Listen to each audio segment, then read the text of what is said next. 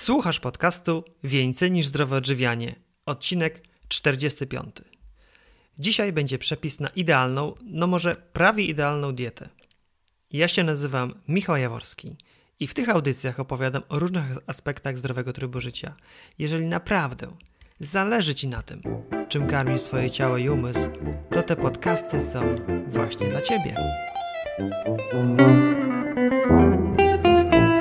Cześć! Mam przyjemność przywitać Cię już w kolejnym, bo 45. odcinku podcastu na blogu Więcej niż zdrowe odżywianie. Każdy z nas zdaje się mieć coś do powiedzenia na temat odżywiania, na temat tego, co warto jeść, a czego nie. Są to opinie czasem bardzo skrajne. Poczynając od takich, że obecnie wszystko już jest tak zanieczyszczone, że nawet oddychanie szkodzi, dając sobie tym samym wolną rękę do podejścia typu hulaj dusza, piekła nie ma. Na drugim końcu skali mamy bardzo restrykcyjne, eliminacyjne diety i ich zwolenników twardo stojących na stanowiskach, że albo ta dieta, albo żadna inna. Pewnie tak jak zazwyczaj w życiu bywa, prawda leży gdzieś po środku. Jednak dla każdego z nas, bo jesteśmy na innym etapie swojego rozwoju, swojego życia, mieszkamy w innym środowisku i z wielu innych powodów, ten złoty środek dla każdego z nas może wypadać w troszkę innym miejscu. Dlatego termin idealna dieta może oznaczać coś zupełnie innego dla każdego z nas. Jednak czy z tego powodu należy zaniechać jej poszukiwania? A jeżeli chcemy jej poszukiwać, to jakimi kryteriami się kierować i w którym kierunku zrobić swój pierwszy krok? W poszukiwaniu odpowiedzi na te pytania i wiele innych do nagrania podcastu zaprosiłem dzisiaj Damiana Parola.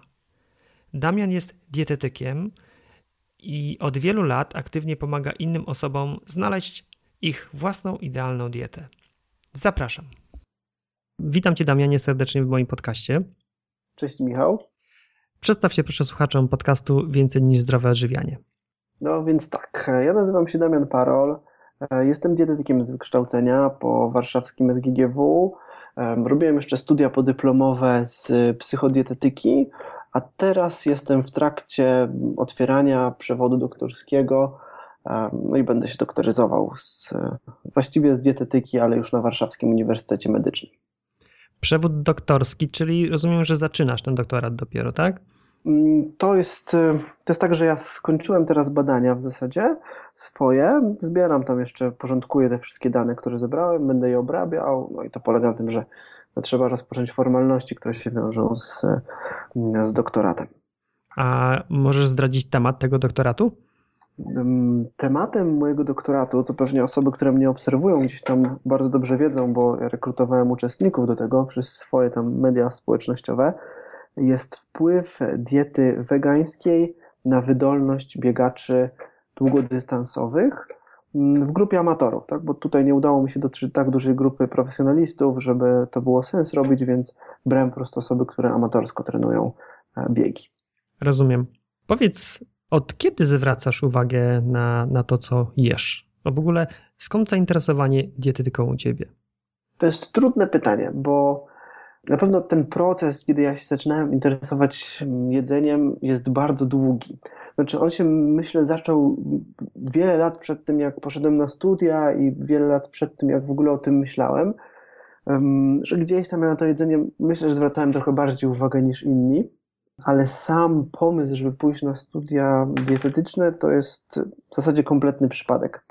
Dlatego, że ja w momencie, w którym byłem w klasie maturalnej, to biegałem w biegach e, krótkodystansowych i każdy, kto zwłaszcza w młodym wieku trenował, to wyobraża sobie albo wie ze swojego doświadczenia, że jak się jest młodym, kilkunastoletnim biegaczem czy innym sportowcem, to człowiekowi się wydaje, że podbije świat i że właściwie tylko to, co uprawia, jest ważne, tak? Tylko ta dyscyplina się liczy. Więc ja bardzo ulewałem szkołę wtedy, do matury się praktycznie nie przygotowywałem i nie myślałem też za bardzo o studiach, tak? Co ja będę studiował miałem gdzieś tam z tyłu głowy, bo AWF wtedy miał otwierać e, kierunek, który się nazywa sport. I to był taki właśnie kierunek dla sportowców, e, którzy chcieli jednocześnie studiować i gdzieś tam się uczyć czegoś pewnie w stylu wychowania fizycznego, tylko, e, tylko po prostu też mieć warunki do trenowania. Na moje szczęście ten kierunek się nie, nie otworzył, bo na pewno gdyby ten kierunek się otworzył, to ja byłbym w zupełnie innym miejscu niż jestem dzisiaj. Pewnie bym to studiował i w sumie nie wiem, co by się wydarzyło. Tak, nie wiem, czy to, czy moje życie by wyglądało tak, jak dzisiaj wygląda, a to, mhm. jak dzisiaj wygląda, nie bardzo satysfakcjonuje, więc, więc wolałbym tego nie zmieniać. Ten kierunek się nie otworzył, więc ja na niego nie poszedłem, ale w, gdzieś tam w międzyczasie rozmawiałem z koleżanką, też zupełnie przez przypadek, która powiedziała, że idzie na dietetykę. I ja tak myślałem, o Boże, dietetyka to jest świetny kierunek, ja mhm. chcę studiować dietetykę. Wcześniej nie, nie, słyszałem nigdy o tym, ale wtedy, jak ona mi to powiedziała, to mnie tak olśniło, że ja chcę studiować dietetykę. No i dostałem się na tą dietetykę, zacząłem to studiować. No i tak z biegiem czasu, tak jak jeśli mówimy o tym żywieniu, no to, mm, to tutaj tym się zaczynałem interesować i gdzieś tam przez te studia coraz bardziej. I myślę, że to też cały czas we mnie dojrzewa. To znaczy, że gdzieś tam tą moją dietę, taką codzienną dietę, to próbuję ulepszać mm, na bieżąco, tak, że udaje mi się coś, coś poprawić, tak, mniej jeść na przykład słodyczy, mniej jeść takich przetworzonych rzeczy, mm, dodać więcej warzyw liściastych do diety, czy coś takiego i, i realizować więcej takich zdrowych, zdrowych nawyków. Ale to jest ciekawe, co mówisz, bo to też się potwierdza, jak ja obserwuję siebie. Mhm. Dobieranie diety to, to jest proces. To jest proces, który jakby tworzy się razem z nami i o ile taki typowy amator, który nie wie nic o dietetyce, to może sobie to jakoś wytłumaczyć, że no ja sobie uczę się metodą prób i błędów, no to no ciebie można postrzegać jako profesjonalistę, bo skończyłeś studia związane z dietetyką, teraz robisz doktorat, a mimo tego u ciebie to ciągle ewoluuje. tak, szukasz tej idealnej diety u siebie nie jest tak, że szukam idealnej diety, bo to nie do końca o to chodzi, chociaż no na pewno gdzieś tam ma to tu znaczenie, ale przede wszystkim chodzi o to, że najtrudniejszym elementem w każdej diecie to jest wprowadzenie tej diety. E, I to jest moment, w którym osoby, które nawet zajmują się tym profesjonalnie, e, nawet osoby, które mają tym bardzo dużą wiedzę, sobie różnie radzą. Tak? Jest wielu dietetyków, którzy się odżywiają bardzo przeciętnie. E, nie dlatego, że nie mają wiedzy na temat tego, jak się odżywiać, tylko dlatego, że im jest trudno to wprowadzić. Tak ja tak powiedziałem, że wielu dietetyków, którzy się odżywiają bardzo przeciętnie, ale ja też całymi latami się odżywiałem może trochę lepiej niż przeciętnie, ale nie tak jakby wypadało, że dietetyk się powinien odżywiać. No i do dzisiaj mam cały czas takie poczucie, że to nie jest proces, który jest do końca skończony i który no, należałoby tutaj gdzieś tam tą swoją dietę starać się cały czas poprawiać, właśnie z tego względu, że jest to trudne do wprowadzenia Mm, w życie, tak? Nie, nie rozpisanie, tak? Bo opisanie takiej idealnej diety to nie byłoby takie strasznie trudne, tak? To się da zrobić, ale wprowadzenie jej w życie mm, jest problematyczne. To też polecam bardzo książkę Beztroskie jedzenie. Ją jest mhm. trudno zdobyć już dzisiaj niestety, e, ale to jest świetna książka, która opowiada właśnie o psychologii jedzenia i tam jej autor opisuje, że każdego dnia podejmujemy około 200 decyzji żywieniowych. To jest ogromna ilość energii nawet przeznaczonej na, te, na tę każdą decyzję, tak? Bo to jest, czy zjeść tego cukierka, czy go nie zjeść, czy napić się tej herbaty, tak, która stoi obok, czy, e, czy ją posłodzić, czy jej nie posłodzić, czy wybrać taką kaszę, czy inną, tak? To jest mnóstwo decyzji. E, no i tego się nie da jednego dnia zrobić, tak? Tego się nie da uporządkować jednego dnia. E, więc e, to zawsze będzie wymagało bardzo dużo czasu i to jest proces, który długo nie jest skończony. Powiedziałeś, że najtrudniejszym elementem diety jest jej wprowadzenie, nie ułożenie, tylko wprowadzenie. Tak, A co takiego szczególnego w tym jest? Czy chodzi o to, żeby znaleźć w sobie motywację, aby umieć oprzeć tym pokusom, czy może są jakieś inne techniczne problemy związane z dostępnością produktów, które są w diecie? Na czym ta trudność polega? To jest kilka warstw tutaj. Na pewno motywacja odgrywa ważną rolę, bo motywacja jest bardzo ulotna. To znaczy, my jesteśmy zamotywowani na samym początku, kiedy wchodzimy w dietę. W razie większość ludzi jest zmotywowana dobrze w tym momencie, ale tego wystarcza zapału na najwyżej kilka tygodni. Potem potrzebujemy pewnego nawyku, tak? No, przymuszania się do tego, żeby, żeby to rzeczywiście robić. E, I tu jest, tu jest pierwszy, pierwsza warstwa, taki pierwszy problem Dostępność produktów e, nie powinna być problemem, o ile dieta jest dobrze ułożona, tak? o ile albo my zadbaliśmy o to, żeby opierać tę dietę o produkty, które nie są specjalnie egzotyczne, albo dietetyk, z którym współpracujemy, coś takiego, o coś takiego zadbał, mm, więc to nie powinien być problem, ale problemem już mogą być umiejętności kulinarne. Nie każdy sobie radzi dobrze z gotowaniem, nie każdy jest w stanie gotować e, smacznie i szybko w miarę, no bo to wiadomo, że ktoś może być nawet dobrym kucharzem, ale nie umieć tych dań przygotowywać mm, ekspresowo w miarę, a nam tak. jednak to jest potrzebne w ciągu całego życia, w ciągu takiego codziennego życia, że potrzebujemy jednak mm, rozwiązań, które są szybkie. No, takie, mamy, takie mamy czasy i, i to nie jest tak, że możemy spędzić mm, dwie godziny gotując obiad, bo po prostu nikt nie ma to czasu. Tak, możemy się tak pobawić w weekend, ale, no, ale nie w tygodniu, nie kiedy mm, potrzebujemy po prostu coś szybko zjeść zdrowego i w tak. miarę smacznego byśmy chcieli jeszcze do tego. Mhm. Dobrze. Po tych latach, gdy interesowałeś się jedzeniem, gdy studiowałeś dietetykę. Mhm. Jak wygląda Twoja obecna dieta?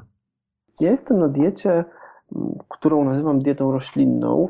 Trochę po to, żeby nie nazywać tego weganizmem, bo uważam, że weganizm to jest, taka, to jest takie szersze pojęcie, wiążące się też z kwestiami etycznymi. Ja się tutaj skupiam e, na diecie głównie i jest to produkt, jest to dieta, która nie dopuszcza produktów w moim przypadku odzwierzęcych, Chociaż to nie, nie jest to taka sztywna zasada, czyli te diety bazujące na roślinach mogą dopuszczać produkty zwierzęce. W moim przypadku tak nie jest. E, I, no i są to produkty nisko przetworzone, produkty, które są zdrowe. Staram się, żeby w tej diecie było dużo warzyw, dużo owoców, mm, żeby były warzywa strączkowe i tak dalej. Jak długo jesteś na diecie warzywnej, roślinnej? To jest kilka lat. Trudno mi jest powiedzieć teraz dokładnie. Mhm. I z perspektywy tych kilku lat, czy to jest coś, co akurat w Twoim przypadku się sprawdza i jakby swoją przyszłość wiążesz właśnie z tą dietą? Tak, to jest zdecydowanie coś, co w moim przypadku się sprawdza. Znaczy, ja jestem z tego bardzo zadowolony. To, co nauczyłem się gotować w tym czasie, bardzo mi smakuje, odpowiada mi to. I jest to dieta, która mi pasuje. Jest to też dieta, która mimo tego, że nie ma w niej białka zwierzęcego, Mm, udaje mi się na niej utrzymywać masę mięśniową, co jest dla mnie ważne, bo, bo trenuję siłowo. Mm, więc ja jestem z tego, z tego zadowolony. Nie uważam, że każdy musi przychodzić na taką dietę roślinną, chociaż uważam, że warto, żeby, że właściwie każdy warto, żeby włączył więcej produktów roślinnych do swojej diety. O tym porozmawiamy jeszcze w dalszej części, bo Cię poproszę Dobra. o skonstruowanie takiego mini poradnika. Mhm. Natomiast teraz chciałbym poruszyć troszeczkę inny wątek, bo wiem, że prowadzisz praktykę polegającą na dobieraniu diety. Mhm. Powiedz, jacy ludzie przychodzą najczęściej właśnie po poradę, aby im skonstruować, stworzyć dietę? Są to głównie osoby odchudzające się. Niestety, i tutaj mówię niestety, bo bo nad swoją dietą warto pracować niezależnie od tego, ile kilogramów mamy, czy tych kilogramów jest za mało, czy jest ich za dużo, czy jest ich w sam raz. To nad dietą większość osób powinna pracować niezależnie od tego, ile, ile ważą. Większość osób budzi się, że coś jest nie tak w momencie, kiedy po prostu przytyją i wtedy zazwyczaj mm, trafiają do dietetyka, co jest trochę smutne. Ludzie nawet częściej trafiają do dietetyka w momencie, w którym przytyją, niż w momencie, kiedy posypie im się zdrowie. Jest wiele chorób, które wynikają bezpośrednio lub niemal bezpośrednio ze złego odżywiania się, ale takie osoby niestety nie trafiają zazwyczaj do dietetyków i, i mimo, że to zdrowie ich szwankuje, to, no to niestety sobie albo nie zdają sprawy, albo, albo to nie jest dla nich dostateczna motywacja, żeby e, trafić do dietetyka, albo żeby zacząć pracować nad swoją dietą bez współpracy z dietetykiem. No ale w momencie, w którym mm, te osoby widzą, że no, ważą za dużo, no to wtedy trafiają, trafiają do mojego gabinetu. Ja się im staram pomóc, chociaż jest to dosyć już późny moment, tak? Już to jest zazwyczaj, to nigdy nie jest za późno, żeby tą dietę poprawiać, ale, ale jest to już późno, tak? Kiedy jest już, mm, kiedy ważymy za dużo. Tak. Powiedz, jaki był Twój najdziwniejszy albo najciekawszy przypadek, jeśli chodzi o kogoś, kto przyszedł po poradę dietetyczną? To tak. Myślę, że najciekawszym przypadkiem, jaki, jaki miałem, z którym współpracowałem, to była dziewczyna, która była młodą bardzo dziewczyną, miała kilkanaście lat e, i, i chciała przytyć. mm, bo ważyła bardzo mało. Ona ważyła około 45 kg, jeśli dobrze pamiętam, mhm. przy takim wzroście pod 1,70 m, mm, więc była bardzo, bardzo szczupła. No i jej zależało, żeby, żeby przytyć i była weganką, co, co tutaj mm, przynajmniej teoretycznie nie ułatwia zadania e, nam, e, ale udało nam się, z tego co pamiętam, ona około 15 kg jej się udało w górę zbudować, więc tutaj to bardzo dobrze, bardzo dobrze nam, nam poszło. Ona też nie, nie nabrała jakoś specjalnie tkanki tłuszczowej, chociaż w jej przypadku to mm, ona trochę tej tkanki tłuszczowej oczywiście, oczywiście nabrała i, i to było dobrze, bo, bo bardzo szczupłe kobiety zazwyczaj nie są zdrowe, bo to się psuje zdrowie hormonalne wtedy. Mhm. No i nabrała też trochę masy mięśniowej i, e, i byłem bardzo zadowolony z tego, byłem bardzo dumny z siebie, że i z niej, że udało się taką przemianę w, w jej życie wprowadzić rzeczywiście ciekawy przypadek, bo tak jak powiedziałeś na początku, zwykle ludzie przychodzą po to, żeby schudnąć, a tu mamy coś dokładnie odwrotnego. A powiedz, w przypadku tej dziewczyny, czy to była tylko dieta, czy, czy dieta połączona z aktywnością fizyczną? Tak, ona również, ona również trenowała mm, i, i u niej tego ruchu było dosyć dużo. To było tyle, o tyle nietypowe, że na przykład ona miała taki zwyczaj, że chodziła na spacery regularnie E, I, mm, no i to był dla niej ważny zwyczaj. I powiem szczerze, że ja bym chciał, żeby ludzie, którzy przychodzą do mnie i się odchudzają, żeby oni mieli zwyczaj po prostu regularnych spacerów, tak? Nie biegania, ale po prostu, żeby sobie w ten sposób się relaksowali i trochę też kalorii spalili. No a właśnie ona, mimo że, że, że u niej był odwrotny zupełnie problem, to to miała właśnie taki zwyczaj, e, czy to chodzenia w różne miejsca, a nie jeżdżenia, jeśli była taka możliwość, chodzenia mhm. właśnie specjalnie na spacery i tak dalej. Ona też trenowała siłowo, jej w tych treningach pomagałem, to też było bardzo ważne w jej przypadku. Rozumiem. Utarła się opinia, że ludzie będący na diecie roślinnej są generalnie zdrowsi, że jedzenie dużej ilości warzyw i unikanie produktów odzwierzęcych powoduje, że ludzie są zdrowsi. Czy rzeczywiście tak jest?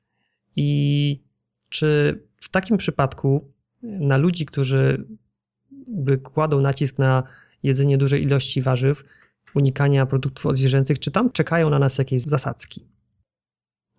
Jak to tak skonstruujesz, to znaczy, że mamy osobę, która unika produktów odzwierzęcych e, albo w ogóle ich nie je, to i dba o to, żeby w tej diecie było sporo warzyw, żeby to była mm, zdrowa dieta takim konwencjonalnym ujęciu, tak, czyli dużo produktów e, nisko przetworzonych i zdrowe źródła tłuszczu i tak dalej, no to, to w zasadzie tutaj specjalnych na nas pułapek e, nie ma, ale to, co może być pułapką, w którą część osób może w, wpaść i mm, to to, że ktoś przychodzi na dietę mm, wegańską chociażby, i zaczyna jeść produkty, które są wysoko przetworzone, chociażby wędliny sojowe.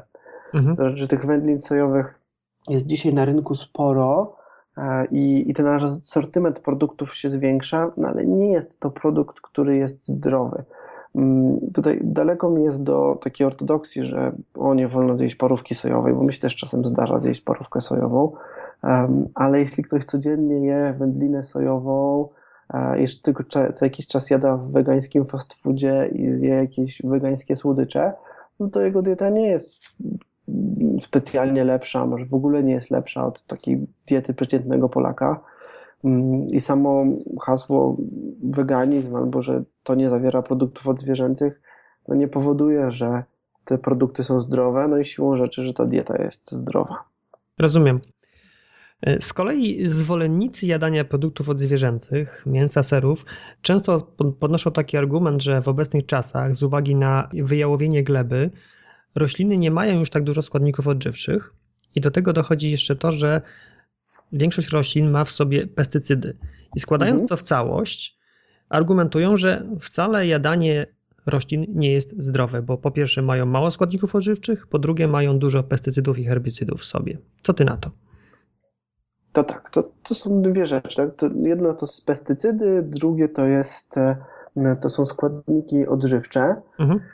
Trzecią rzeczą, o której może już nie warto poruszać, no to jest to, jak na przykład odżywiane są zwierzęta, jaka jest jakość produktów odzwierzęcych, bo bo tutaj z tym też bywa czasem, czasem problem. Ale jeśli chodzi o składniki odżywcze w warzywach i owocach, mm, to faktycznie co jakiś czas się pojawia taki argument, że no, te dzisiejsze warzywa to mają połowę tych składników odżywczych, które miały na przykład warzywa 20 lat temu. Tak.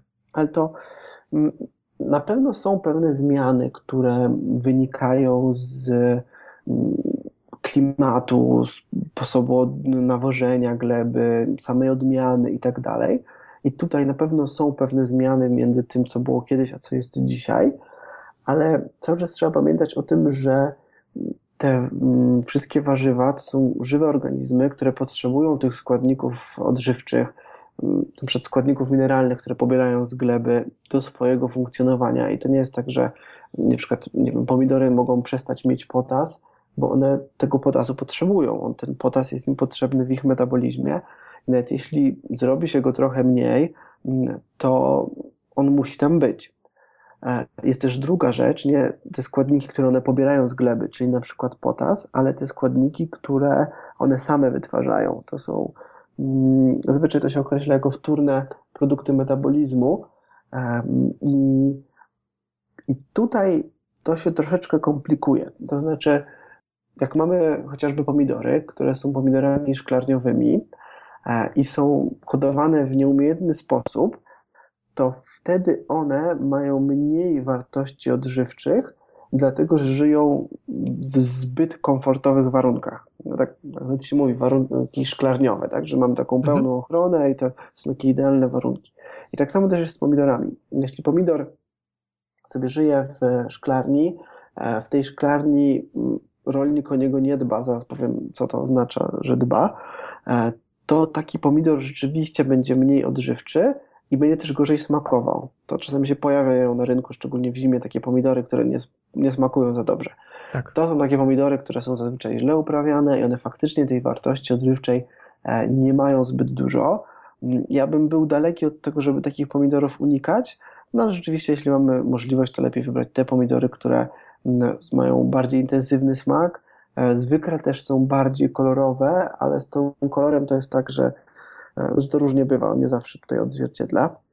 No właśnie z tym, z tym dbaniem, tak, o co chodzi? Chodzi o to, mhm. że jeśli mamy mm, taką szklarnię i tam pobawimy się warunkami atmosferycznymi, które są w tej szklarni, czyli nasłonecznieniem, wilgotnością, temperaturą i tak dalej, i te pomidory postresujemy trochę, no to wtedy one są niejako bardziej zmobilizowane do tego, żeby więcej tych wartości odżywczych e, wytworzyć. Mm, I, I dzięki temu mamy pomidory, które są smaczniejsze i które są mm, bardziej odżywcze. No i to dotyczy generalnie wszystkich tych produktów, które są hodowane w szklarniach. Ale to ciekawe, co mówisz, bo wydawać by się mogło, że właśnie warunki szklarniowe, takie idealne, to są warunki, w których roślina daje to, co najlepsze z siebie, a jest dokładnie odwrotnie. Ona się wtedy nie musi się starać i tak. jest mniej odżywcza, tak już troszeczkę to upraszczając. To jest też tak, że my jesteśmy z natury leniwi. Ja mówię tutaj o wszystkich organizmach żywych. Jeśli organizm, znaczy nie ma potrzeby się starać z jakiegokolwiek powodu, i to mówimy i o zwierzętach, i o, o ludziach, i o roślinach, to tego nie robi po prostu. No i w tym momencie, właśnie w takich szklarniowych warunkach, e, może się okazać, że pomidory przestają spełniać swoją rolę, bo są po prostu mało odżywcze. Czyli jeżeli mamy do wyboru pomidory lub inne rośliny z, ze szklarni lub z gruntu, to lepiej kupić te z gruntu. Jeśli kupujemy z gruntu, to mamy mniejsze ryzyko, że one mogą być takie mało, mało odżywcze i mało smaczne. Zazwyczaj te z gruntu będą, będą smaczniejsze. Dobrze. Czyli tak podsumowując tą część dotyczącą składników odżywczych, to ja rozumiem, że rośliny, warzywa, które zjadamy, mhm. one pomimo tego, że rzeczywiście może gleba jest mniej odżywcza teraz niż to było 20 lat temu, one potrzebują tych składników odżywczych po mhm. to, żeby same przetrwać, więc one będą robiły wszystko, co w ich mocy, żeby je w sobie zgromadzić. Może troszkę mniej, ale jednak one będą je gromadzić, no i dzięki temu my, ludzie, potem je zjadając, też będziemy pozyskiwać te minerały od nich. A jeśli chodzi o drugą część pytania dotyczącą. Właśnie. Mhm ja bym chciał żyć w świecie, w którym nie ma pestycydów i jesteśmy w stanie wytwarzać duże ilości warzyw i owoców. no ale nie żyjemy w takim świecie. Niestety dzisiaj hodowla, zwie- czy hodowla warzyw i owoców wiąże się z ochranianiem ich przy pomocy na przykład pestycydów i na dużą skalę niestety nie da się żywność produkować bez tych pestycydów. Te organiczne mm, produkty mają, mm, czy też stosuje się tam w organicznej uprawie pestycydy, stosuje się inne, często się stosuje mniej, ale, ale one nadal są, e, bo po prostu nie jesteśmy w stanie mm, poza takim przydomowym ogródkiem tak dbać o te, o te nasze plony, żeby, żeby nie używać żadnej chemii, tak jak to się określa. Tylko teraz jest pytanie, czy to jest rzeczywiście dla nas e, duży problem. Czy to z punktu widzenia zdrowotnego to jest, to jest jakiś kłopot? Moim zdaniem nie. Dlatego, że mm, po pierwsze, spożywając warzywa i owoce, dostarczamy sobie składników e, odżywczych, które również nas chronią przed na przykład zatruciem jakimiś e, substancjami chemicznymi. I tutaj korzyści ze spożywania warzyw i owoców są dużo większe niż ewentualne negatywne efekty zatrucia się pestycydami. Poza tym mamy dobre systemy, które służą temu, żeby monitorować ilość pestycydów e, w produktach e, spożywczych. E, mamy też taki system RASF, to jest system wczesnego ostrzegania, który służy do tego, że jeśli w jednym miejscu w Europie wykryjemy, że znajduje się jakiś pestycyd, który nie powinien się znajdować w tym, w tym produkcie albo przekracza dopuszczalne limity, no to w tym momencie na całą Europę E, idzie mm, taka, to się nazywa nota bodajże, jest jakaś konkretna nazwa dla, tego, mm, dla tej wiadomości, która idzie. I każdy, e, każdy urząd w Europie, który się tym zajmuje, dostaje taką informację, taki produkt jest wycofywany z rynku e, na koszt mm, tej osoby, która ją wprowadziła, ten produkt. To też jest bardzo ważne, bo takim rolnikom nie bardzo się opłaca prowadzić produkt ze zbyt dużą ilością pestycydów, no bo poniosą koszty wtedy wycofania tego produktu, nie mówiąc o stracie plonów, tak, bo przecież nie zarobią już na tym. Więc tutaj te nasze systemy są dobre, mamy limity um, tych dopuszczalnych ilości pestycydów. No i ja jestem spokojny, tak? To znaczy ja uważam, że um, tutaj nie ma, nie wiąże się to z realnym e, ryzykiem dla naszego zdrowia, ewentualnie może w sporadycznych przypadkach, ale przyznam, że nie znam żadnego przypadku, kiedy by powiązano jakieś zatrucie pestycydami z, mm, no, z pogorszeniem zdrowia, tak, żeby było wiadomo, że ktoś trafił do szpitala, bo zatruł się pestycydami w wyniku spożycia na przykład pomidorów albo innego produktu. Mm, to się może zdarzyć w momencie, kiedy ktoś pracuje z e, pestycydami, kiedy one są w wielokrotnie większych stężeniach, na przykład przy produkcji pestycydów albo przy ich przy nawożeniu, ale nie, nie z perspektywy konsumenta. Mhm. Powiedziałeś o tym, że jedząc, będąc na diecie roślinnej, w szczególności mhm. jedząc produkty nieprzetworzone, możemy mhm. odczuć pewne korzyści związane ze zdrowiem. Mhm. A teraz idąc w drugą stronę. Czy fakt, że jadamy produkty odzwierzęce, automatycznie przełoży się na to, że będziemy mniej zdrowi, że będziemy się gorzej czuli. Bardzo ważną rzeczą w dietetyce jest to, że my na efekt tego, co robimy dzisiaj, będziemy zazwyczaj czekać bardzo długo. To jest tak, że oczywiście o ile przytyć można nawet i w pół roku, i w rok, e, o tyle na przykład większe prawdopodobieństwo nowotworów wynikających ze spożycia przetworzonego mięsa na przykład, albo Mm, większe prawdopodobieństwo zawału serca w wyniku wysokiego spożycia nasconych kwasów tłuszczowych i inne tego typu mm, zależności, one się będą ujawniać tam za 20, za 30, tam za 40 lat. Mm, i trudno jest niestety w dietetyce się doszukać takiego, że od dzisiaj na przykład zjadłem to i to i przez najbliższe tygodnie się będę lepiej czuł albo coś takiego, Mm, oczywiście dużo osób mówi, że przeszło na dietę, to się lepiej czują i tak dalej. I tutaj pewnie jakieś małe różnice w tym samopoczuciu rzeczywiście, rzeczywiście są, e, ale, ale prawdziwe zmiany tak naprawdę będziemy widzieć za kilkadziesiąt lat dopiero i, i szczególnie osoby młode mogą się bardzo źle odżywiać, a czuć się znakomicie, e, więc, więc trudno jest naprawdę powiedzieć, że, że dieta kształtuje samopoczucie w takim realnym, odczuwalnym wpływie, perspektywie tygodni czy, czy miesięcy. E, I jest mnóstwo ludzi, którzy na niezdrowej bardzo diecie, a mówią, że czują znakomicie. I nawet trudno z tym polemizować, bo te osoby pewnie różnicę odczują dopiero za, za kilkadziesiąt lat. Ja tak sobie myślę, że to, o czym mówisz, to, że ludzie po zmianie diety, nieważne z jakiej na jaką, hmm. czują się lepiej albo inaczej, to jest taki efekt świeżości, bo ludzie lubią odmiany, przynajmniej hmm. większość. Tak, I coś zmienili w swoim życiu i może dlatego po prostu czują się inaczej, tak, może lepiej tak. w ich odczuciu. Tak, teraz mi się przypomniało a propos samopoczucia, że dzisiaj przeglądałem badanie, nie udało mi się go przeczytać, ale mm, przejrzałem, przejrzałem wnioski i mniej więcej metodologię mm, i bardzo mnie ono zainteresowało, bo tam w perspektywie mm, dwóch lat obserwowano dwie grupy ludzi. Jednej zalecono spożycie zgodne z apetytem, a drugiej grupie zalecono spożycie około 30% mniejszej ilości kalorii. I nie jestem pewien, jak wyglądały te diety poza tym zaleceniem, ale domyślam się, że były to diety dosyć zdrowe, dlatego że e, obie grupy schudły. Ta grupa, która miała jeść zgodnie z apetytem, schudła 0,4 kg. To się wydaje niedużo, ale większość ludzi przez dwa lata to by przytyła. Tak? Gdybyśmy obserwowali po prostu ludzi, którzy nie są, nie przestrzegają żadnej diety i nie przywiązują większej wagi do swojego odżywiania, e, to przez dwa lata te osoby by przytyły tam kilogram czy dwa. To, że one schudły trochę, no to znaczy, że no raz, że nie przytyły, a dwa, że jednak, jednak troszeczkę schudły.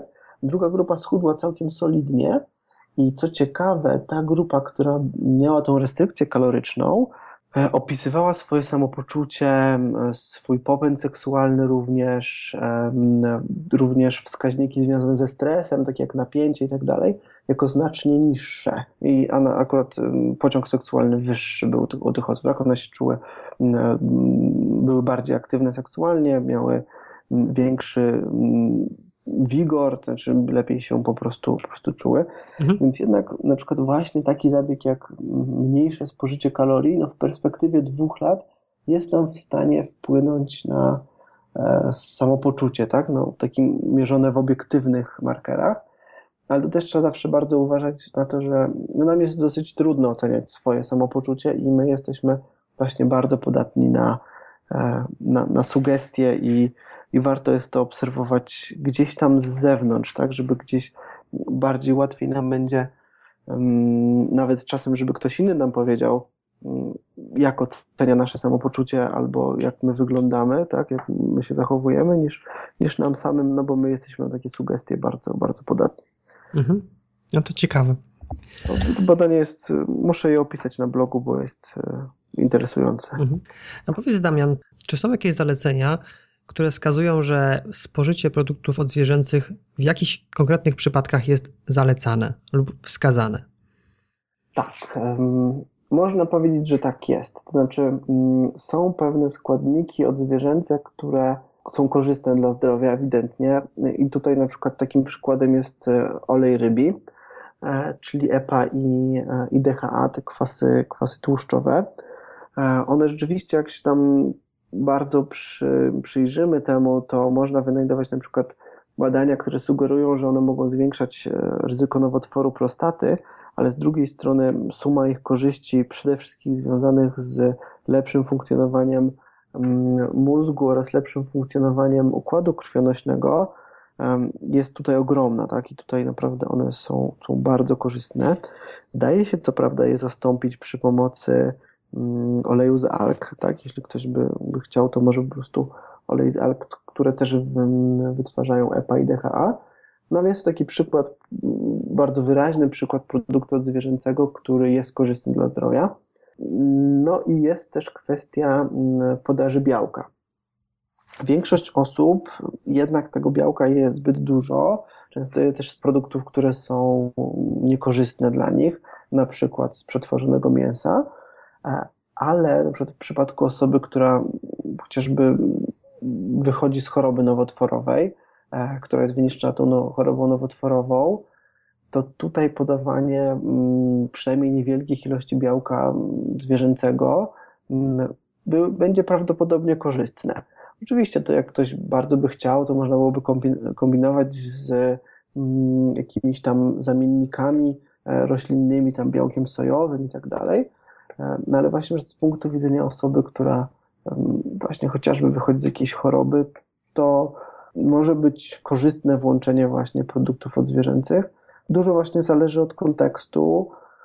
Jest też taka sytuacja chorób, np. autoimmunologicznych, gdzie w niektórych są hipotezy, bo to są, to są, nie są rzeczy, które są bardzo mocno udowodnione, ale że w niektórych sytuacjach, e, jeśli mm, wyłączymy ileś produktów od, zwierzę, od roślinnych, przepraszam, takich jak zboża, strączki, niektóre warzywa, to w tym momencie niektóre choroby autoimmunologiczne mogą się cofać.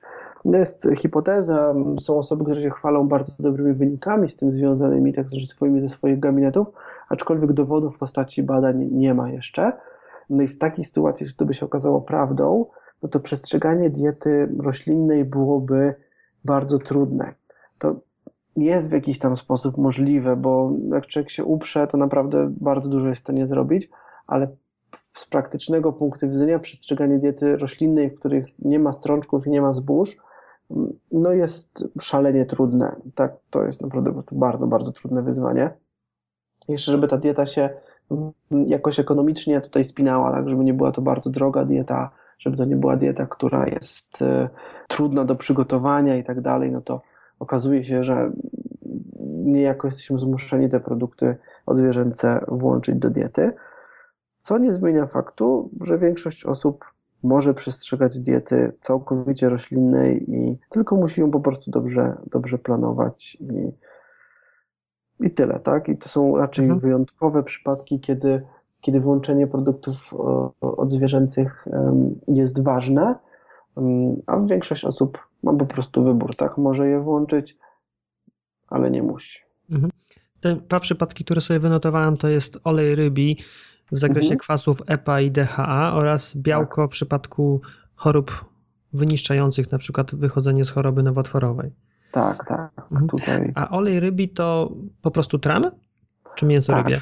Tak, na przykład, na przykład tran jest, jest tutaj mm, olejem z rybim. Tutaj też są, bo to olej rybi to jest taki, takie sformułowanie czegoś, co się często używa w badaniach, bo wszyscy wiedzą o co chodzi, ale przy tym może być olej z kryla, Mm, też bodajże z kołamarnicy któryś też to uzyskuje, tak? Czyli generalnie ze zwierząt, ale chodzi po prostu o kwas EPA i DHA, którego takim najłatwiejszym do uzyskania źródłem jest owoce morza, tak szeroko pojęte. Mhm. No i tutaj te algi, tak? Te algi, w tych algach jest też spora przyszłość, bo mm, produkcja tych alg jest tania, więc e, jeśli tylko rynek do tego dojrzeje, jeśli te hodowle alg będą, będą odpowiednio duże, to tutaj prawdopodobnie za kilka, kilkanaście, kilkadziesiąt lat y, nie będziemy musieli pozyskiwać oleju rybiego, tylko po prostu będziemy sięgać po olej z alg, co też ma mhm. bardzo duże, mm, jest bardzo korzystne w kontekście mm, raz zanieczyszczenia tych, y, tych produktów metalami ciężkimi, no bo niestety jakieś tam zanieczyszczenie mm, metalami ciężkimi albo dioksynami w tych olejach występuje jeśli pochodzą z ryb lub, e, lub innych żyjątek, a w przypadku alg tak nie jest.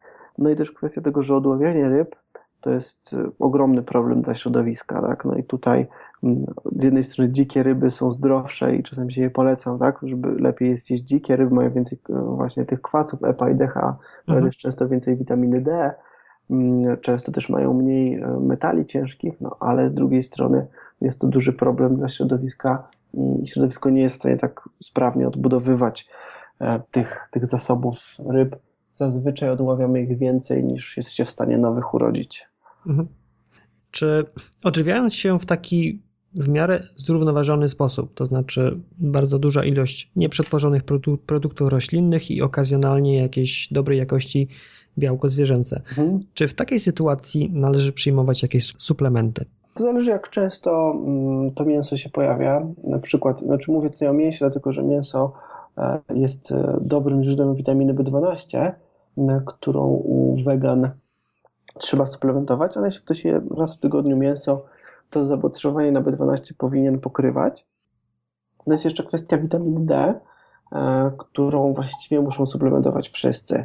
Tutaj mm, w naszym klimacie, bo jeszcze jak ktoś żyje bliżej równika, to, e, to może z niej zrezygnować w niektórych przypadkach, ale w naszym klimacie no, właściwie nie da się mm, odpowiednio dużo witaminy D syntetyzować w skórze. Zjedzenie jej jest też bardzo trudne, nawet u ludzi, którzy regularnie jedzą mm, produkty odzwierzęce, mm, więc witamina D wchodzi. No i ewentualnie, ewentualnie ten właśnie na przykład olej rybi, tak, do zastanowienia się, też jest dosyć szeroki temat, tak? Kiedy trzeba olej rybi wrzucać, kiedy wystarczą roślinne źródła kwasów omega-3, no ale, no, ale można się zastanowić nad, nad tym olejem rybim. Temat witaminy D pojawia się często, właśnie gdy mhm. rozmawiam z osobami, które interesują się lub zajmują się dietetyką. Mhm. I natomiast z drugiej strony, patrząc na przeciętnego Kowalskiego, to bardzo mało osób chyba nikt z mojego najbliższego otoczenia, oprócz mojej rodziny, mhm. nie suplementuje witaminy D zimą. Powiedz, na jakie ryzyko narażamy się zaniedbując tą kwestię? Praktycznie nie ma choroby, z którą by się nie wiązał deficyt witaminy D. Jest, kiedyś myślano, że Mm, witamina D to jest tylko kwestia zdrowia kości i, tą witaminę D polecano właśnie dlatego, żeby, żeby to zdrowie kości poprawić i to był główny argument, ale dzisiaj wiemy, że więcej witaminy D jest mm, potrzebne do działania tak zwanego pleiotropowego, czyli działania na cały organizm tak w, różnych, w różnych kontekstach, a nie konkretnie na kości. Tak, tak naprawdę kości to jest niewielki wycinek działalności witaminy D, no i tutaj mm, większe prawdopodobnie ryzyko, ryzyko otyłości, chociaż jest to trudno jednoznacznie stwierdzić z tego powodu, że osoby otyłe na pewno mają niższy poziom witaminy D, ale też witamina D się rozpuszcza w tłuszczu, więc nie wiadomo, czy ich tkanka tłuszczowa niejako nie wysysa z krwi po prostu witaminy D, więc na to pytanie jest trudno odpowiedzieć jednoznacznie, ale na przykład większe prawdopodobieństwo chorób autoimmunologicznych w przypadku osób, które mają deficyt witaminy D, i szczególnie w dzieciństwie. Szczególnie jeśli ktoś w dzieciństwie tej witaminy D nie dostawał, um, czyli niestety większość, większość z nas, no to no, tą witam, to prawdopodobieństwo ma, chorób autoimmunologicznych ma większe. No też kwestia chorób serca w to wchodzi i również e, chorób związanych z demencją. Choroby autoimmunologiczne, być hmm. może otyłość, jak również choroby związane z sercem i demencja poważne sprawy, więc na pewno zdecydowanie witaminę D należy suplementować, tak, szczególnie zimą, a, mhm. a, nawet latem, w szczególności osoby, które nie mają takiego bezpośredniego kontaktu ze światłem słonecznym. Tak, tutaj zdecydowanie tak. Um, powiem szczerze, jak kilka, kilka lat temu jeszcze um, uważałem, że no w lato to nie trzeba witamin D suplementować, ale jak się nad tym głębiej zastanowiłem, to doszedłem do wniosku, że większość osób, mimo że, że jest lato, to i tak z tego słońca za bardzo nie korzysta. No bo najlepsza synteza witaminy D i taka synteza, która nas interesuje, tak żeby to, to warto było się tym słońcu tam chwilę powylegiwać, to jest między godziną 10 a 15. Większość osób w tym momencie jest w pracy, więc w ciągu tygodnia z tego nie korzysta. A w weekend no to różnie bywa, tak? Są osoby, które rzeczywiście ten weekend cały przejeżdżą na rowerze, mm, poopalają się, gdzieś tam na świeżym powietrzu to spędzą, ale, ale wiele osób tego nie zrobi, tak? Wiele osób w tym czasie mm, albo siedzi gdzieś w cieniu, albo w ogóle siedzi w domu cały, cały weekend i, i, i nic z tej witaminy D nie skorzysta. Też jest kwestia ubrania, na przykład ktoś może jeździć na rowerze, chociażby, to jest dobry przykład, bo, bo kolarze dosyć często noszą długie rękawy, spodnie to różnie, ale długie rękawy są dosyć popularne, nawet jak jest ciepło wśród kolarzy. No i taka osoba, co prawda, spędza na słońcu dużo czasu, no ale jest praktycznie całkowicie zakryta. Tak. Dalej wchodzą jeszcze kwestie filtrów. Ludzie się smarują filtrami, i bo boją się poparzeń słonecznych, boją się nowotworów e, skóry ale to blokuje e, syntezę witaminy, witaminy D, nawet do tego stopnia, że dzisiaj e, większość kremów ma jakiś niewielki filtr UV. to jest czasem piątka, czasem nawet mniejszy filtr, jakiś bardzo, bardzo drobny ten filtr, ale już taki niewielki filtr blokuje um, powstawanie witaminy D w skórze i jej się wytwarza jedna dziesiąta mniej więcej tego, co, co mogłaby, jak przy takim najdrobniejszym filtrze. E, więc no, suma summarum okazuje się, że większość osób mm, nawet w lato, nawet jak na to słońce wyskoczy, to i tak nie syntetyzuje tej witaminy D odpowiednio dużo. Jeszcze podpytam, bo spotkałem się z opinią mhm. dotyczącą witaminy D, że po przebywaniu na słońcu, właśnie w tych godzinach 10, 12, 14, mhm. przez jakiś czas nawet nie powinno się myć skóry po to, żeby ta witamina się wchłonęła. Nie wiem, czy spotkałeś się z taką opinią i w ogóle tak, czy to ma tak. jakieś tak. racje, czy to ma jakiś sens, czy to jest jakieś po prostu... Tak, spotkałem się z taką, spotkałem się z taką opinią, spotkałem się z jakimiś takimi terminami, że człowiek się w ogóle przez kilka dni nie powinien być wtedy. No, no właśnie, już nawet tego nie chciałem mówić. Tak, ale są takie, są takie opinie, ale to nie jest prawda, tylko że witamina D się wytwarza wewnątrz skóry, a nie na powierzchni skóry. Tak? Gdyby ta witamina D się rzeczywiście wytwarzała gdzieś tam w obrębie naskórka czy coś, to, to miałoby jakiś tam może sens, ale ona się wytwarza wewnątrz skóry i tutaj możemy się umyć za chwilę po tym i, i ta witamina D zostanie wykorzystana, zostanie wchłonięta, to, to nie ma tutaj żadnego znaczenia. Dobrze. Dziękuję za tą część. To już wiemy, jakie mhm. suplementy brać. A teraz jeszcze mam takie pytanie. Będąc zdrowym człowiekiem, mhm. jakie profilaktyczne badania warto robić, a jakich zdecydowanie nie warto robić? To może zacznijmy od tych, e, których nie warto robić. To na pewno nie warto robić badań, które są bardzo drogie, no bo to jest po prostu koszt, tak? Wydajemy duże pieniądze, które można wydać lepiej, chociażby na zdrowe jedzenie, e, chociażby nie na jakiś sprzęt do trenowania i tak dalej. Szkoda wydawać jakieś badania, które są bardzo, e, które są bardzo drogie bo to się po prostu zwyczajnie nie opłaca, jeśli nie zdążymy w kierunku jakichś tam kłopotów naszych zdrowotnych.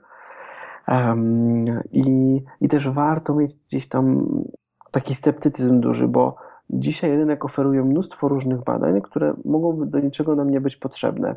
Ja nie chcę bardzo mówić konkretnie o co mi chodzi, ale mm, jak ktoś tam gdzieś mm, przegląda jakieś oferty i, i czasem to może się okazać, że mm, tych, tych badań profilaktycznych, które niby należałoby robić, no to jest, jest bardzo dużo, ich ceny czasem idą w tysiące złotych, a tutaj jest czasem bardzo dużo pytań, czy takie badania są w ogóle wiarygodne, czy na cokolwiek nam mówią, czy zdrowa osoba w ogóle ma jakąkolwiek potrzebę takie badania wykonywać. To też jest trochę co innego, jak ktoś jest chory i tam naprawdę szuka każdej możliwości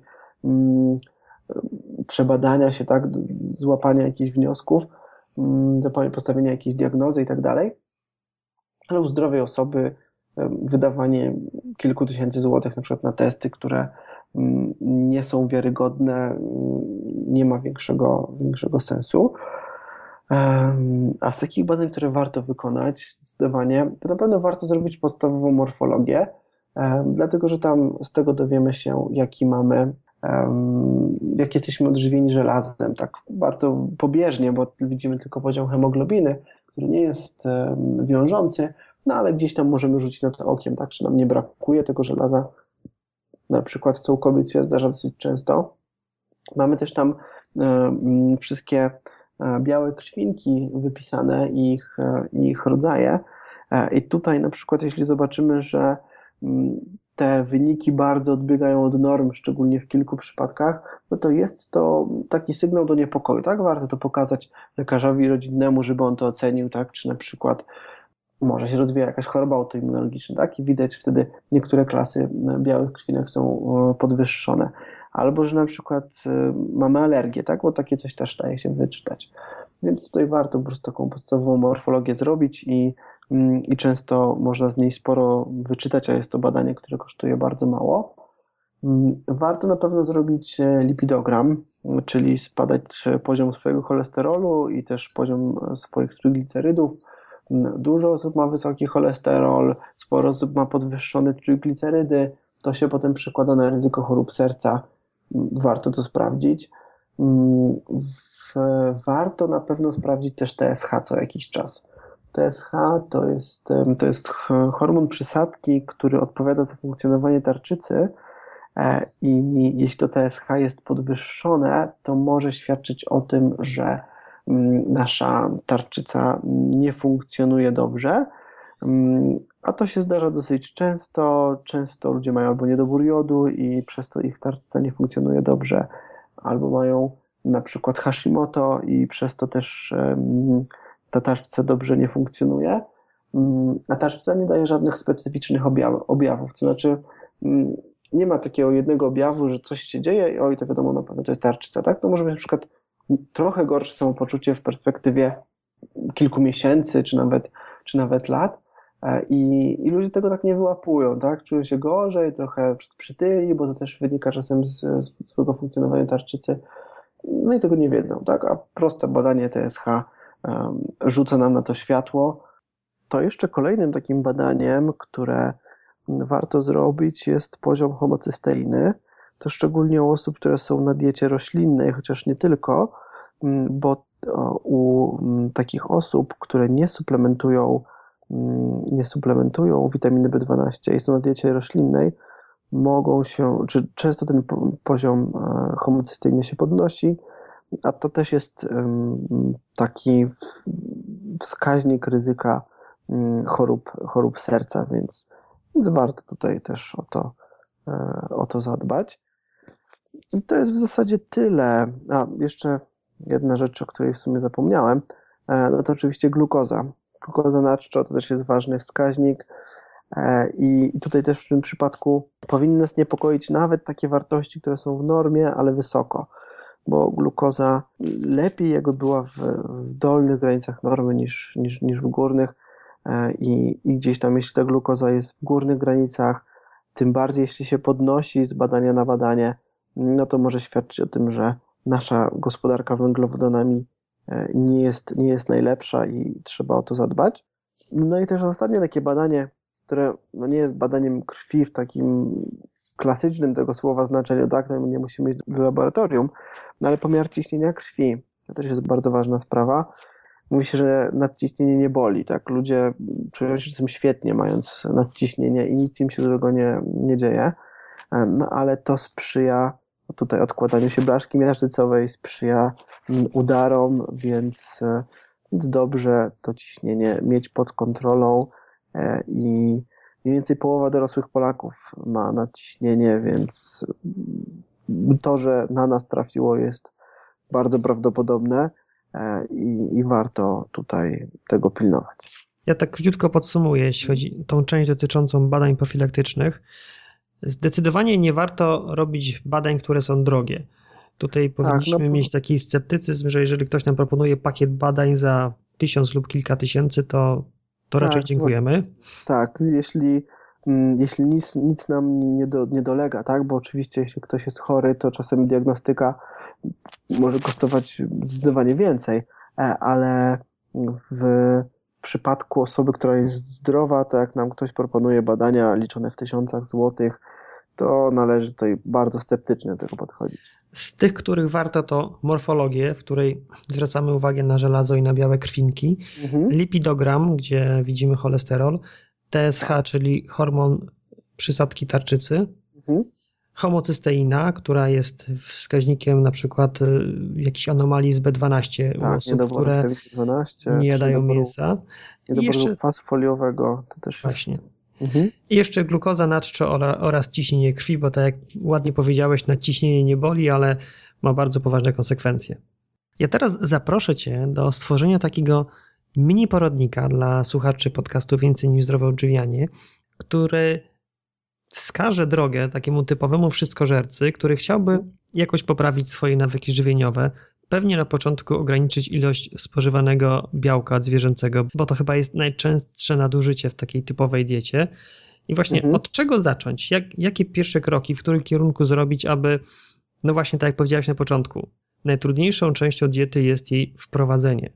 Więc mhm. żeby nie przesadzić, nie zniechęcić, tylko taką metodą, no mi się wydaje, taką metodą drobnych kroczków, mhm. iść we właściwym kierunku. To, co warto zdecydowanie zrobić, to zastanowić się nad ilością przetworzonego mięsa w naszej diecie, e, bo mm, to nie jest tak, że każde mięso jest dla nas bardzo, bardzo szkodliwe, ale przetworzone mięso, czyli wszelkiego rodzaju wędliny, kiełbasy, konserwy, salami i tak są to produkty, które są z całą pewnością rakotwórcze i jest to coś, z czego należy zrezygnować, tak? Po prostu no, idealnie jest, jak w ogóle tego nie jemy, tak? Albo jak jemy to tylko okazjonalnie gdzieś tam na jakimś przyjęciu. Dalej warto też um, zastanowić się nad tym, czy nie udałoby się niektórych dań, które zjadamy, które mają mięso, zastąpić daniami, które mają warzywa strączkowe. Takim daniem może być fasolka po brytońsku. Czy fasolka po brytońsku jest normalnie tam z boczkiem, z kiełbasą zazwyczaj, tam ktoś inne kawałki mięsa dodaje, ale może moglibyśmy, jak lubimy taką fasolkę po brytońsku, to dać więcej fasoli do niej, a mniej, mniej, tych, mniej tego mięsa, tak? To jest jeszcze przetworzone mięso, więc mamy dwie korzyści, tak? Raz, że wrzuciliśmy strączki, a dwa, że wyrzuciliśmy przetworzone mięso. Może jakieś inne danie też się daje mm, tak uroślinnić trochę bardziej, tak? Czyli jakąś mhm. przed sałatkę sobie zjadamy, mm, do niej możemy wrzucić jakieś strączki. Ostatnio moim takim odkryciem jest soczewica zielona mm, gotowana na parze. Jedna firma robi soczewicę gotowaną na parze, która jest w takich malutkich takich ziarenkach. I to się świetnie komponuje z sałatką. Mm, można całą puszkę takiej soczewicy wrzucić do, do sałatki. Ona się tam zwykle dobrze bardzo wymiesza, bo te ziarenka są drobne mamy świetne danie, w którym właśnie wrzuciliśmy więcej strączków. Można się zastanowić na przykład nad zrezygnowaniem z mleka krowiego i na to miejsce dać e, mleko, e, mleko sojowe. Ja jestem tutaj takim umiarkowanym obrońcą mleka, to znaczy, że uważam, że mleko się może znajdować w diecie, ale mleko sojowe ma korzyści, których nie ma mleko, e, mleko krowie, więc to jest dobra zamiana nadal. Można wrzucić tofu do swojej diety, które też może być takim całkiem sensownym zamiennikiem mięsa. Tofu co prawda trzeba przyprawić, tak? bo mięso tam wrzucimy na patelnię, trochę je przyrumienimy i ono już tam jakoś, jakoś smakuje. Nad tofu troszkę trzeba popracować, tak? Znaczy ono samo w sobie prawie nie ma smaku, no i tutaj te przyprawy, które dodamy do niego zmieniają bardzo, e, bardzo dużo.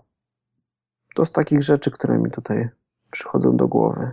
Tak, króciutko podsumuję, przede wszystkim zwrócić uwagę na przetworzone mięso typu mhm. wędliny, kiełbasy, konserwy, żeby najlepiej mhm. wyeliminować albo zdecydowanie ograniczyć. Tak, tak.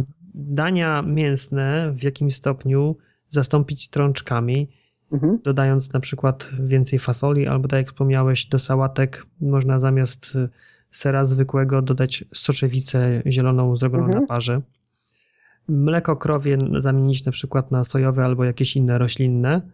Mhm. No i tofu, które jest zamiennikiem mięsa, ale tu uwaga, trzeba je przyprawić, bo normalnie to ono jest bez smaku. Tak, ono nie jest ani dobre, ani złe, po prostu prawie nie ma smaku i, e, no i dlatego warto je mm, jakoś tam obrobić kulinarnie i tych przepisów jest mnóstwo i mnóstwo smaków można dodać e, takiemu tofu, więc e, że jest jego zaletą, że po prostu chłonie smaki, które do niego dodamy. Ja to jeszcze możesz tak troszeczkę od siebie dodam. Mm, oprócz tego, żeby ograniczyć mięso, to pewnie zwiększyć ilość warzyw zielonych w swojej diecie. Tak, to też jest e, często ważny krok. Jeśli tutaj mówimy o polepszaniu diety, to włączenie warzyw zielonych, warzyw kapustnych też. Tutaj jarmuż jest takim fajnym przykładem produktu, który jest jednocześnie warzywem kapustnym i jednocześnie warzywem liściastym i ma korzyści jednych i drugich warzyw.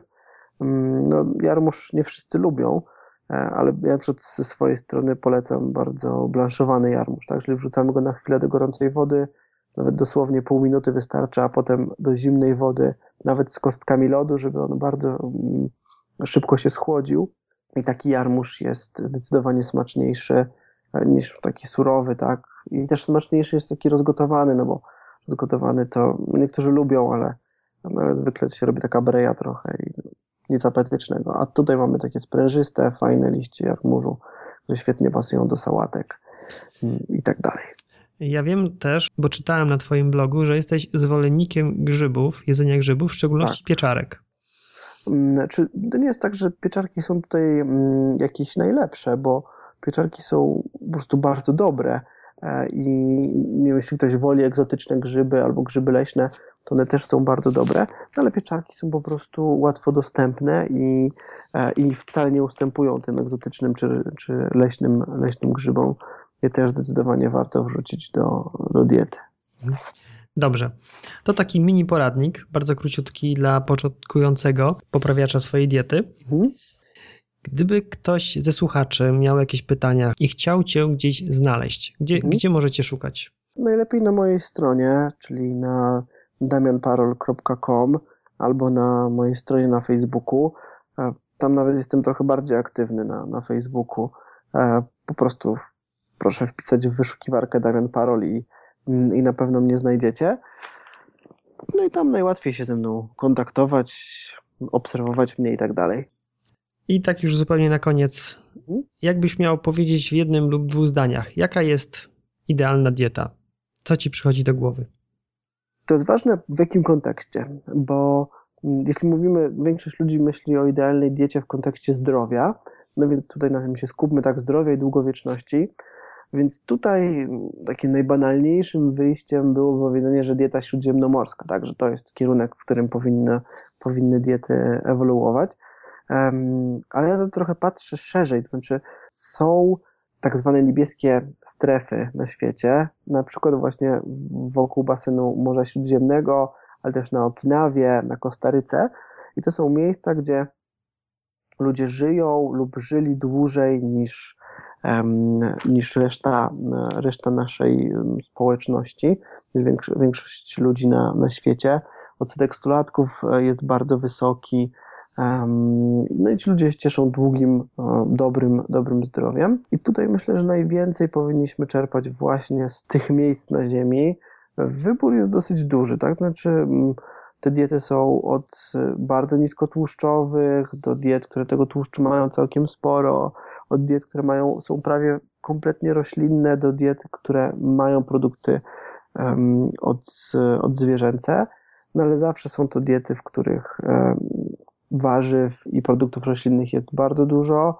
Są to diety, w których ilość kalorii jest umiarkowana. No i wszystkie są to diety mm, charakteryzujące się niskim sposobem przetworzenia. Tak? To są diety, w których nie ma słodyczy, w których nie ma fast foodów, w których nie ma rafinowanej, mm, przetworzonej żywności, no tylko są pro, produkty mm, bliższe naturze. Tak. Bardzo Ci dziękuję za, za ten wywiad.